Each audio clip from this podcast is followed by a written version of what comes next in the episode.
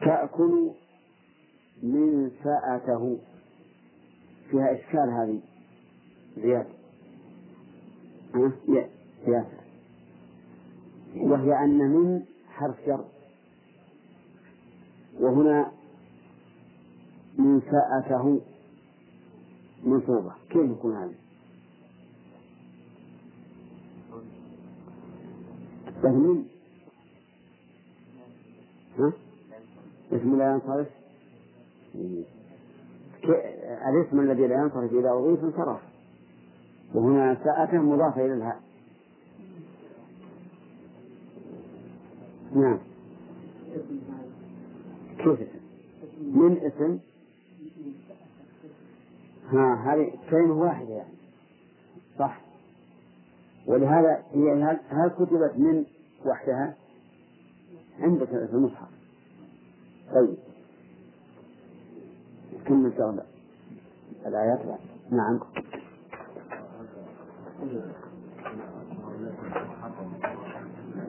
نعم.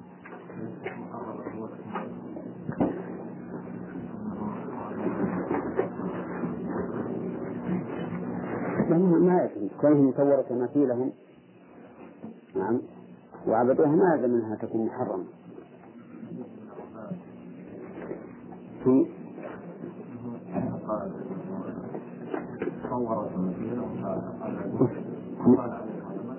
صحيح هذا. لكن لكن قد يكون انه مباحة لكن هم توصلوا بها إلى محرم. يعني من أسباب الشرك من أسباب الشرك لا شك. على كل حال نحن نقول في كلام المؤلف كلمة تماثيل ما دام معنى معنى التمثال كل شيء صورته على على على غيره. فلا يجب أن تكون صور حيوان.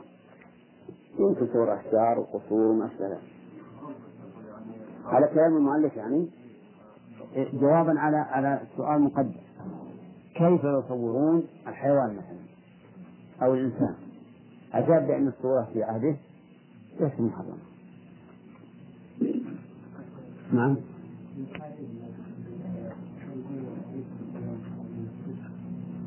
لا. لا محراب المسجد ثم طاق. طاق. نعم. نعم. داود حينما ما كان المنشور يعني وهو متكئ على الأخر أو سليمان قصد إيه. لا هذا لا. هو متكئ على العصا هكذا ومات وبقي هذا. ما راح إلا بعد بعد مدة. نعم. صح. لكن ها؟ لا الصالحون ما نلزم أن هذا تدخلهم لكن قد يعثر على بعضهم لم تكن الأرض وأما الجزم في الأنبياء فقط. عند حديث لو قلتم أنتم ذكرتم أن, ها؟ فوائد الآية التي مرت علينا قال الله تعالى يعملون له ما يشاء من محاريب. في هذه الآية فوائد. منها أن الله سبحانه وتعالى سخر الجن لسليمان يعملون له ما يشاء. وهذا لا يتأتى لأحد من البشر. نعم ربما تعمل الجن لبعض البشر أشياء لكن لا تكون قائمة بما يشاء ومن فوائدها جواز البناء العالي بقوله من محارم. ومن فوائدها جواز التماثيل. التماثيل. وهل يشمل التماثيل للحيوانات والأشجار والبحار والأنهار. نعم. على كلام المؤلف يشمل. لأنه قال هذا كان قبل تحريم الصور. وعلى احتمال الثاني لا يشمل. لأن التماثيل تطلق على كل ما كان مثالا على غيره ولا يلزم أن تكون على صورة الحيوان. فعلى رأي المؤلف يكون الحكم منسوخا لشريعة النبي صلى الله عليه وسلم. فيستفاد منه فائدة وهي جواز النسخ في الأحكام الشرعية. طيب وعلى الرأي الثاني الاحتمال الثاني لا لا, لا يكون دالا على جواز في الحيوانات. ومن فوائد الآية الكريمة بيان كثرة جنود سليمان.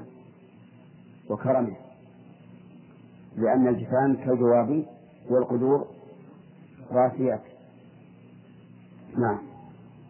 ومن فوائدها وجوب القيام بشكر الله عز وجل كقوله اعملوا آل داود شكرا. والأمر في الأصل الأمر في الأصل الوجوب. ومن فوائدها أن الشاكر على النعمة قليل. لقوله وقليل من عبادي الشكور. والمراد بال نعم. المراد بهذه الجملة الحث على الشكر. ومن فوائدها إثبات العبودية العامة الشاملة. بقوله من عبادي فإن المراد بها العبودية العامة الشاملة. ومن فوائدها أن داود عليه الصلاة والسلام أب لفخر كامل من بني إسرائيل لقوله اعملوا آل داود كما قال بنو تميم بني زهرة وما أشبه ذلك. ثم قال فلما قضينا عليه الموت ما كملنا أظن نعم نخليه إن شاء الله قال الله تعالى فلما خر تأكل من سأته بالهمز وتركه بألف. يعني فيها قراءتان. من سأته. قراءة ثانية. اجعل الهمزة ألفا. أي من سأته. من سأته. ولهذا قال بالهمز وتركه. ولكن إذا تركناه يكون ألفا. بألف. لأنه ينشأ يطرد ويزجر بها. لأنها نعم لأنها ينشأ يطرد ويذكر بها. لا ويذكر نعم. كأن المؤلف رحمه الله يريد أن يبين اشتقاق هذه الكلمة وأنها من النسأ أي الطرد والكذب. فإن الإنسان يزجر بعصاه بحزها على من يوجه إليه الخطاب ويطرد بها بالضرب. وهذا يدل على أن الكلمة عربية. ولكن بعض المفسرين يقول أن الكلمة غير عربية وأنها من الكلام الذي عرب. وإذا كانت الكلمة من المعرب فإنه لا يشتق لها من العربية. كل كلمة لها اشتقاق بالعربية فإنها تكون عربية. وعلى كل حال فالكفر في هذا سهل. المهم أن المنسأة هي العصا يطرد بها الشيء ويزر بها. فلما خر ميتا تبينت الجن. الجملة كما تشاهدون جملة شرطية. وأداة الشرط فيها لما وقد مر علينا أن لما تأتي لعدة ما تكون شرطية وتكون للنفي وتكون بمعنى إلا. والرابع أن تكون ظرفا بمعنى حين. هنا استعمالات شرطية. بدليل أنه جاء بعدها شرط وجواب. فلما خر تبينت. نافية كقوله تعالى بل لما يذوقوا عذابي. أي لم يذوقوا عذابي. وتأتي بمعنى إلا كما في قوله تعالى إن كل نفس لما عليها حافظ. أي إلا عليها حافظ. وتأتي بمعنى حين أي ظرفا مثل أن تقول أكرمتني لما زرتك أي حين زرتك. طيب إذا لها أربعة معاني أو تأتي على أربعة أوجه. تبينت الجن تبينت أي علمت وبان لها. وفسر الله بقوله انكشف لهم أن مخففة أي أنهم لو كانوا يعلمون الغيب. أن مخففة من من الثقيلة. وإذا خففت الثقيلة وجب حذف اسمها وكان خبرها جملة. فهنا الخبر لو كانوا يعلمون الغيب ما لبثوا في العذاب المهين. وإعرابها أن تقول أن مخففة من الثقيلة واسمها ضمير الشام مستتر. وجملة لو كانوا يعلمون الغيب في محل رفع خبرها. طيب. وفي قول المؤلف أنهم إشارة إلى ما سبق أن قلنا إن ضمير الشأن ينبغي أن يكون مناسبا للمقام فقد يكون مفردا وقد يكون جمعا وقد يكون للغائب وقد يكون للمخاطب. خلافا لما عليه أكثر النحويين حيث يقدرونه مفردا للغائب ويقول أنه أي الحال. نعم. أن لو, لو كانوا يعلمون الغيب لو كانوا يعلمون الغيب ما لبثوا. لو شرطية وجوابها ما لبثوا. ولو تأتي شرطية وتأتي مصدرية وتأتي بمعنى آه، ود كذا. فتأتي شرطية مثل هذه الآية. ومثل أن تقول لو زرتني لأكرمتك وتأتي مصدرية إذا إذا جاءت بعد ود. كقوله تعالى ودوا لو تدهنوا. أي أن تدهنوا. وهذا معناه فقط. طيب هنا شرطية فعل الشرط فيها؟ لا. فعل الشرط كانوا يعلمون. وجوابه ما لبثوا في العذاب المهين.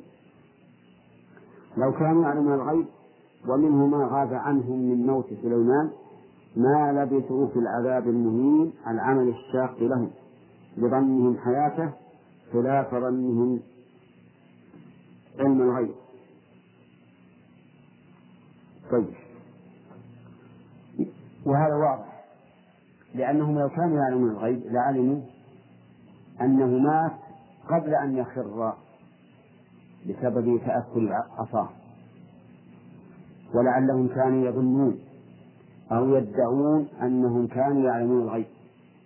فأراد الله تعالى أن يبين حالهم لهم ولغيرهم وأنهم لا يعلمون الغيب. مع أن الغيب الذي حصل هنا ليس غيبا مطلقا ولكنه غيب نسبي. إذ أن من كان قريبا جدا من سليمان فقد يعرف أنه مات.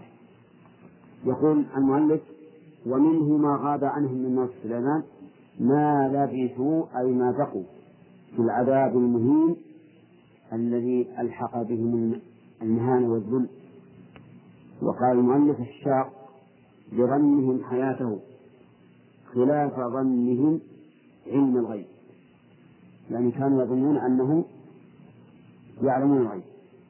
فلما خر ميتا تبين لهم أنه لا يعلمون الغيب.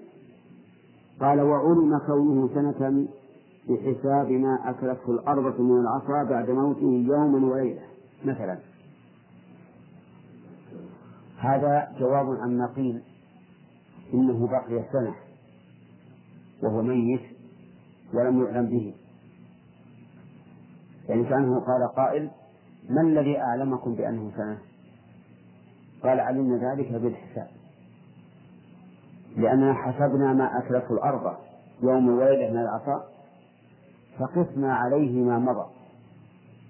فمثلا إذا كانت تأكل في اليوم والليلة مثلا سنة عرفنا أن تأكل في السنة؟ ثلاثمائة وستين سنة وعرفنا هذا من من طول العصر. ولكن هذا في الحقيقة ليس متعينا. قد تأكل اليوم أكثر مما تأكله بالأمس أو بالعكس. وحتى نقول أيضا من الذي قال إنها أكلت الليل والليلة هذه المختار. حتى عرف به ما مضى. يحتاج إلى دليل. أو بالعكس. وحتى نقول أيضا من الذي قال إنها أكلت الليل والليلة هذه المختار حتى عرف به ما مضى. يحتاج إلى دليل. ولهذا الصواب أن أن ما سبق ما سبق أن قلنا بأنه لا حاجة لنا إلى تقدير إيش؟ المدة التي لبثها سليمان. وأن مثل هذه الأمور لا يركن إليها ولا يعتمد إلا إذا جاءت عن عن الشارع عن النبي صلى الله عليه وسلم أو جاءت في كتاب الله. وأما ما يأتي عن بني إسرائيل في مثل هذه الأمور فإننا نقول نقف فيه لا نصدق ولا نكذب. ثم قال تعالى لقد كان لسبأ في مسكنهم. إلى آخره. الجملة هذه كما تعلمون مؤكدة بثلاث مؤكدات. ثلاثة مؤكدات. وهي الأخ. لا أنت. نعم. هذه قد. لا. كان ما يدعو التأكيد. رشيد؟ نعم. مؤكدة بثلاثة مؤكدات. نعم. نعم. والقسم المقدر صح. لأن هذه على تقدير قسم. أي والله لقد كان لسبع وكان هنا تدل على مجرد الحدوث أي أنها مسلوبة الدلالة على الزمن. فإن هذه الآية باقية حتى الآن. كل من قرأ خبرها تبين هذه الآية. لقد كان لسبأ بالصرف وعدل قبيلة. سميت باسم جد لهم من العرب. نعم. سبأ اسم في الأصل. اسم رجل. يسمى سبأ. وكان من قحطان. واختلف المؤرخون النسابون في قحطان هل هو من العرب العاربة أو من العرب المستعربة. والمشهور أنهم من العرب العاربة الذين قبل إبراهيم. لكن روى البخاري أن النبي صلى الله عليه وسلم مر على قبيلتين من الأنصار كانوا يترمون في النبل. فقال لهم النبي صلى الله عليه وسلم ارموا بني إسماعيل فإن أباكم كان راميا. وهذا يدل على أنهم عرب مستعربة لأن الأنصار معروف أنهم الأوس والخزرج كلهم من قبائل اليمن من قحطان. نزلوا تفرقوا في البلاد بعد الغرق ونزلوا المدينة. وعلى هذا فيكون ظاهر حديث البخاري أن أن هؤلاء من أن قحطان كلهم من بني إسماعيل. والحاصل أن العلماء في النسب يقسمون العرب إلى قسمين. ما كان قبل إبراهيم فهم عرب عاربة وما كان بعده. من ذريته فهم عرب مستعربة. طيب المهم أن سبع اسم لرجل. كان له أولاد كثيرون. جاء في الحديث أنهم عشرة. بقي منهم ستة في اليمن وأربعة في الشام. وانتشروا في الأرض. وكثروا وفيها قراءة يقول المؤلف بالصرف وعدمه. لسبأ هذا الصرف. وعدمه لسبأ. نعم. يقول في مساكنهم باليمن آية. المؤلف يقول في مساكنهم أتى بالقراءة قراءة الجمع. ولم أره ذكر قراءة الإفراد. وفيها قراءتان سبعيتان. قراءة الإفراد في مسكنهم وقراءة الجمع في مساكنهم. ولا خلاف بينهما في المعنى لأن مسكن مفرد والمفرد المضاف يعم يشمل كل ما يدخل تحت هذا المعنى ألم تروا إلى قوله تعالى وإن تعدوا نعمة الله لا تحصوها. فهنا نعمة مفرد وقال فيها لا تحصوها. إذن هي كثيرة. فمسكن من حيث المعنى بمعنى مساكن لأنه مفرد مضاف. والمفرد المضاف يعم ها؟ لا أنا عندي مساكن. عنده عنده المصحف في المصحف لا اللي, اللي عندي هي اللي على خط المؤلف. اللي عندي خط المؤلف مسكنهم. على كل حال مساكنهم قراءة سبعية ومسكنهم قراءة سبعية أيضا. والمسكن ما يسكنه الإنسان. فيسكن فيه ويطمئن كالبيوت والحدائق والبساتين وما إلى ذلك. آية آية بمعنى علامة. قال الله تعالى وآية لهم أنا حملنا ذريته في الكل مشهور أولم يكن لهم آية أن يعلمه علماء بني إسرائيل؟ فالآية بمعنى العلامة الدالة على الشيء. هذه الآية دالة على أي شيء؟ دالة على قدرة الله عز وجل وعلى نعمته. وعلى حكمته في النهاية. وآية من حيث الإعراب اسم كان مؤخر ولسبع خبره مقدم. قال المؤلف آية دالة على قدرة الله. وقلت أنا زيادة وعلى إحسانه وإنعامه وعلى حكمته في النهاية. لأن هذه المساكن كما سيأتي دمرت بسبب الأعراض قال جنتان بدل. بدل من؟ بدل من آية. ويجوز أن تكون عطف بيان لأنها بينت الآية ووضحتها. والجنة هي البستان الكثير الأشجار. سميت بذلك لأنها تجن من, من فيها أي تستره. وقد علمنا سابقا أن هذه المادة وهي الجيم والنون تدور على معنى الاستتار والخفاء. جنتان عن يمين وشمال. يقول عن يمين واديهم وشمالهم وكان هذا الوادي بين جبال وكان على أطراف هذا الوادي هذه هذه الجنان العظيمة من الأشجار المتنوعة الكثيرة الثمار وكانوا في أحسن ما يكون من الرغد والهنا والأمن. طيب يقول عن يمين وشمال يعني إذا كانت على يمين الوادي وشماله صار لها أيضا منظر بديع طريق جذاب. يقول الله عز وجل كلوا من رزق ربكم واشكروا له على ما رزقكم من النعمة في أرض سبع إلى آخره. يعني أن الله سبحانه وتعالى جعل في هذه الجنتين جعل فيها خيرا كثيرا وجعل تناولها ميسرا. ولهذا قال كلوا كلوا من رزق ربكم.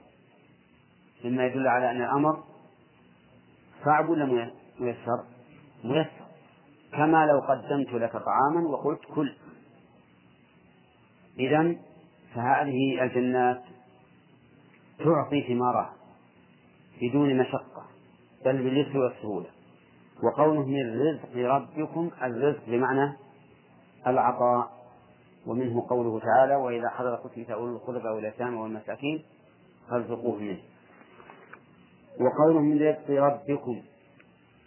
الرب تقدم لنا أن معناه الخالق المالك المدبر. والربوبية هنا ربوبية خاصة لعنايته سبحانه وتعالى بهم بما أعطاهم في هذه الجنات واشكروا له هذا هو الذي يطالبون به جزاء أو إظهارا للنعمة لنعمة الله سبحانه وتعالى عليهم والشكر تقدم أنه يتعلق بالقلب واللسان والجوارح. يعني فاعترفوا بأن هذه النعمة من أين؟ من الله. وأثنوا على الله تعالى بها. وقوموا بجوارحكم بطاعته. حتى تؤدي الشكر على الوجه المطلوب منكم. واشكروا له على ما رزقكم من النعمة في أرض سبع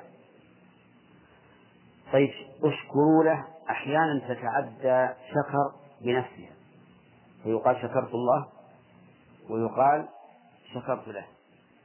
فهي من الأفعال التي جاءت في اللغة العربية لازمة ومتعدية. متى تكون لازمة؟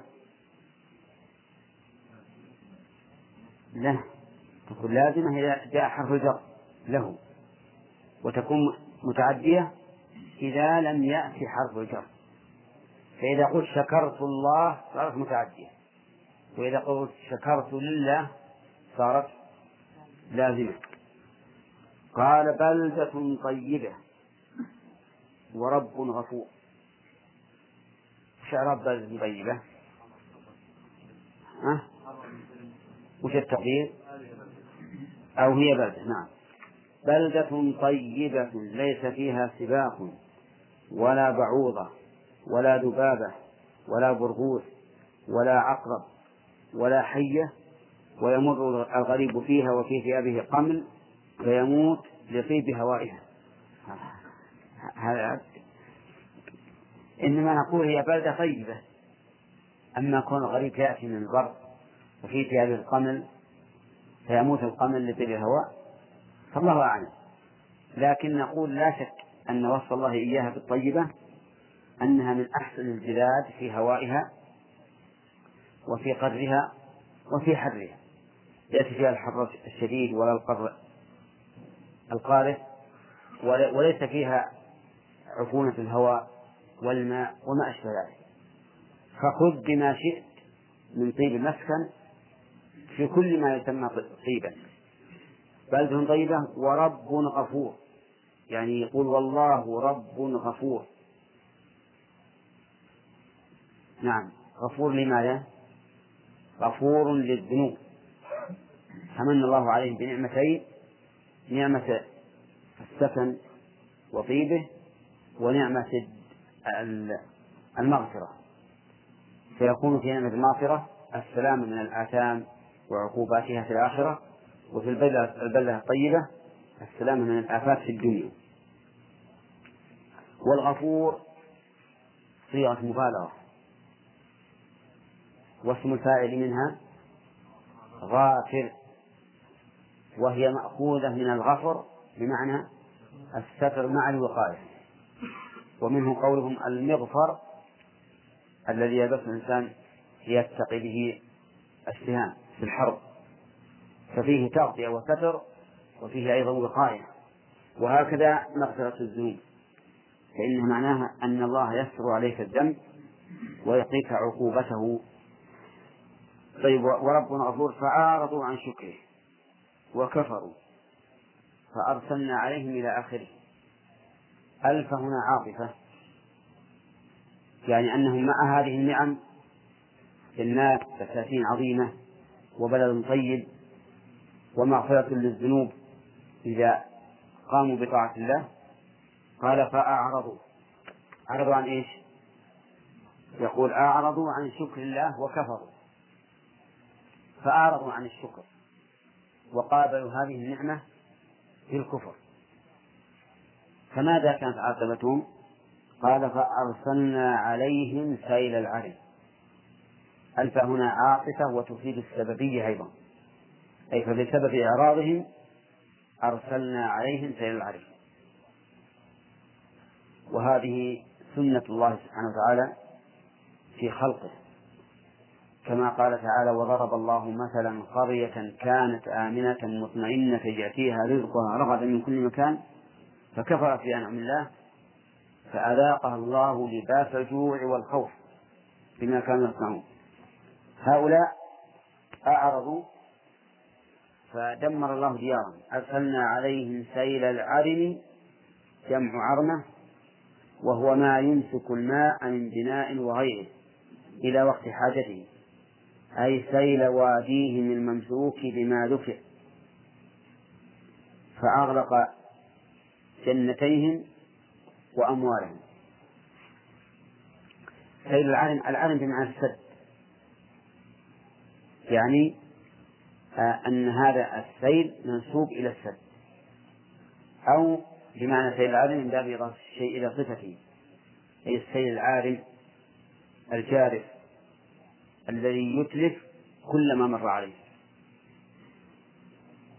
والمعنى أن الله سبحانه وتعالى أرسل عليهم سيلا عظيما. وذلك في فساد السد الذي جعلوه بين هذه الجبال. وكان هذا السد المنيع تجتمع فيه السيول وتنكفها الأرض وتخرج في العيون. فلما تصدع هذا الشق هذا السد جرت المياه بغير تقدير وذلك بقدرة الله سبحانه وتعالى. فقال أرسلنا عليهم سيل العرم يقول وبدلناهم بجنتيهم جنتين. الجنان السابقة أو الجنتان السابقتان كلها ثمار طيب يؤكل وينتفع به بالبيع والشراء وغير ذلك. أما البدل فيقول بدلناهم بجنتين جنتين ذواتي تثنية ذوات تثنية ذوات مفرد كذا عندكم؟ مفرد على الأصل عندكم تثنية ذوات ولا ذات؟ طيب هو في الأصل الأصل ذات المفرد. وذوات للجمع. فثني الجمع وصارت ذواتي أكل. ويمكن أن يقال خلاف كلام المؤلف فيقال إن الأصل ذات لكن لما ثني عادت الواو فصارت ذواتي.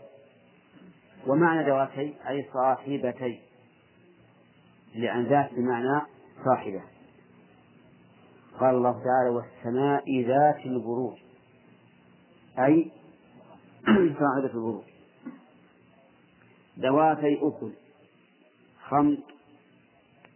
قال المؤلف مر. بشع بإضافة أكل. بمعنى مأكول وتركها ويوقف عليه وأكل. يعني أن فيها قراءتين. ذواتي أكل خمس هذه الإضافة. وتركها ذواتي أكل خمس. أما الإضافة واضح ذواتي أكل خمس يعني أنها الأكل يخمط خمطا. وهو وهو شجر الأراك كما فسره بذلك ابن عباس رضي الله عنهما. والأراك هي المساويك هذه. لها أوراق بسيطة جدا.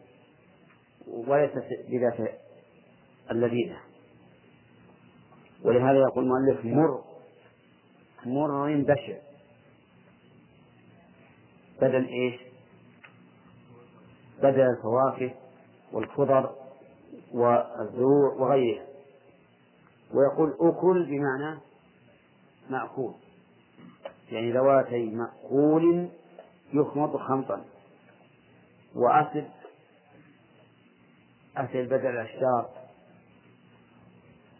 المثمرة البهيجة صار بدلها أسل والأسل بعضهم قال هو الطرفة والصحيح أنه غير الطرفة لأن فيها الطرفة تكون تكون صغيرة ما ما تكبر.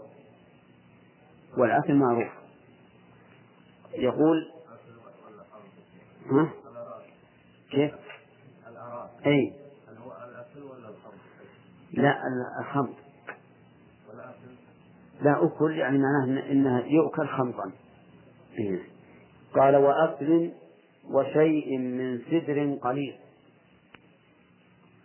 هنا قال شيء من سدر وهناك خمط وعسل لأن السدر أحسن هذه الأنواع الثلاثة.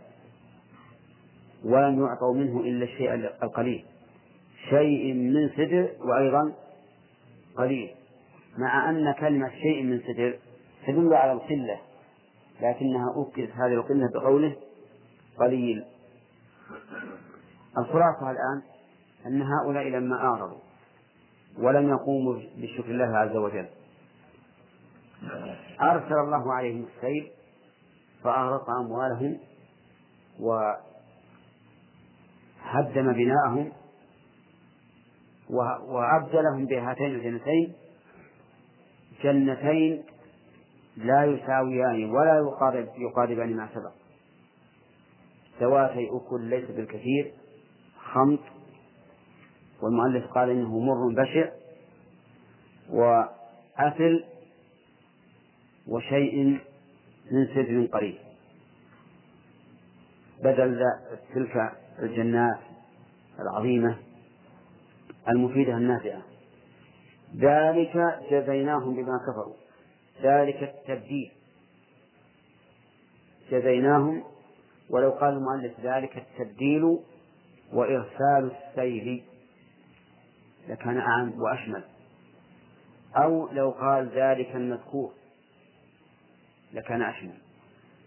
جزيناهم بما كفروا بكفرهم وهل نجازي إلا الكفور.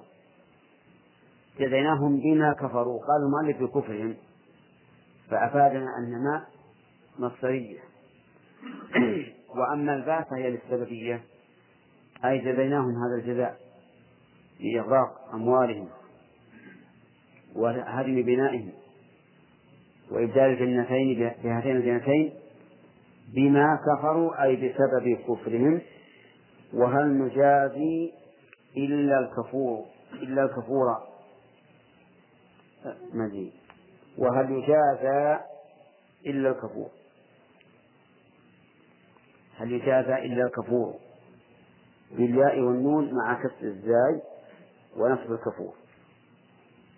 أي ما يناقش إلا هو. في قوله هل نجازي قراءة؟ نجازي وعلى هذه القراءة يجب نص الكفور على أنها مفعول به. القراءة الثانية يجازى وعليه ترفع الكفور على أنها نائب فاعل. والاستفهام هنا بمعنى النفي لأنه عقب بإلا. فيكون هل نجازي إلى كفور؟ أي ما نجازي إلا كفور. والمجازاة هنا بمعنى المناقشة أو بمعنى المكافأة على الفعل. والكفور صيغة مبالغة. أي أي ذو الكفر بالله سبحانه وتعالى. والله أعلم. ها؟ عام يشمل هذا وهذا يعني ما نجازي بالعقوبات إلا من كفر بالله سواء كان كفر نعمة فيجازى على قدر ذنبه أو كفرا مخرجا عن الله. ليس المراد جنتان يعني بستانين واحد يمين وواحد يسار. المراد بساتين.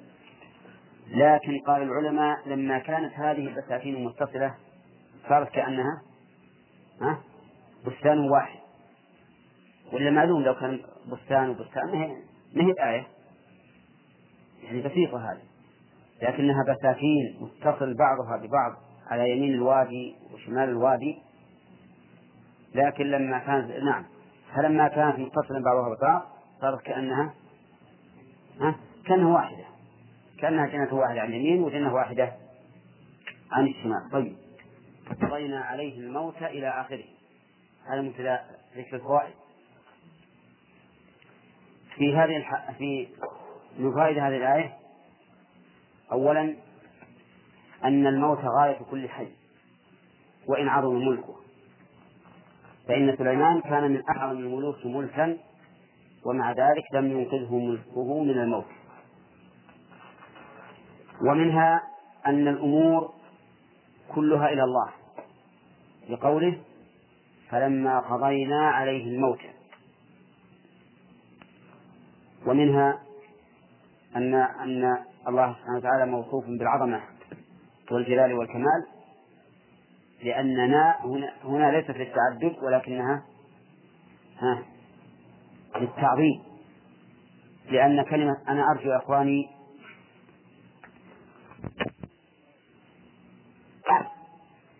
تدل إما على التعدد وإما على التعظيم.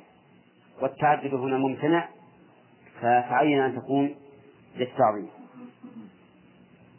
ومنها أن الشيء الحقير قد يفعل شيئا عظيما كبيرا. مثل يؤخذ من قوله ما دلهم على موته إلا دابة الأرض. وهذا شيء جرت به سنة الله عز وجل. أن الشيء قد يكون حقيرا لكن يترتب عليه أمر عظيم. فنحن الآن لا نعرف كيف نقبر موتانا إلا بدلالة الغراب أليس كذلك؟ أيضا جميع المباني الهندسية الفخمة الجميلة عرفت من صنيع النحل. أيضا كل ما حدث من, من, من الآلات التي يحدثها الناس الآن تجدهم يشبهونها بمخلوقات الله عز وجل كالطائرات وغيرها لهذا نعرف أن الأشياء الحقيرة قد تكون مفيدة للإنسان فائدة عظيمة ويترتب عليها أمور خطيرة ومنها إضافة. أن ومنها أن إضافة الشيء إلى سببه المعلوم جائزة لقوله ما دلهم على موته إلا دابة الأرض. فأضاف الدلالة إلى دابة الأرض. مع أن الدابة هل هي أكلت العصا لأجل أن تدل الجن على موت سليمان؟ أه لا. لكنها سبب. فإضافة الشيء إلى سببه المعلوم شرعا أو حسا جائزة نعم حتى وإن لم يذكر فيها لفظ الجلالة وإن لم يذكر فيها لفظ الجلالة فمثلا إذا قلت لولا فلان لهلكت وصحيح أن فلان هو الذي أنقلك. فهذا جائز. إذا لم تعتقد أنه هو السبب أن هذا السبب هو الفاعل الوحيد. والممنوع أن تضيف الشيء إلى سببه مع الله مقرونا. بالواو. أو تضيف الشيء إلى سبب غير معلوم سببيته لا من الشرع ولا من الحس لأن هذا يكون من باب الأوهام. والتخيلات ومن فوائد الآية الحذر أو التحذير من من دابة الأرض ولا لا؟ ها؟ أي نعم ما دام تأكل الأخشاب وتأكل هذه الأشياء فاحذر منها وكم من إنسان أسرت عليه دابة الأرض مكتبته القيمة التي تساوي شيئا كثيرا. ولهذا انتبهوا. لا تأكل الأرض عليكم كتبكم. طيب. ومن فوائد الآية الكريمة إضافة الفعل أو إضافة الشيء إلى من لم يقم به باختياره. لقوله فلما خر تبينت الجن. فالخرور قد يضاف إلى الفاعل بالاختيار وقد يضاف إلى الفاعل بغير الاختيار. فتقول خر الماء وتقول خر ميتا. وقال الله عز وجل خروا ها سجدا. يخرون الأذقان يبكون. هذا بالاختيار. ومن فوائد الآية الكريمة أن الجن لا يعلمون الغيب. والدلالة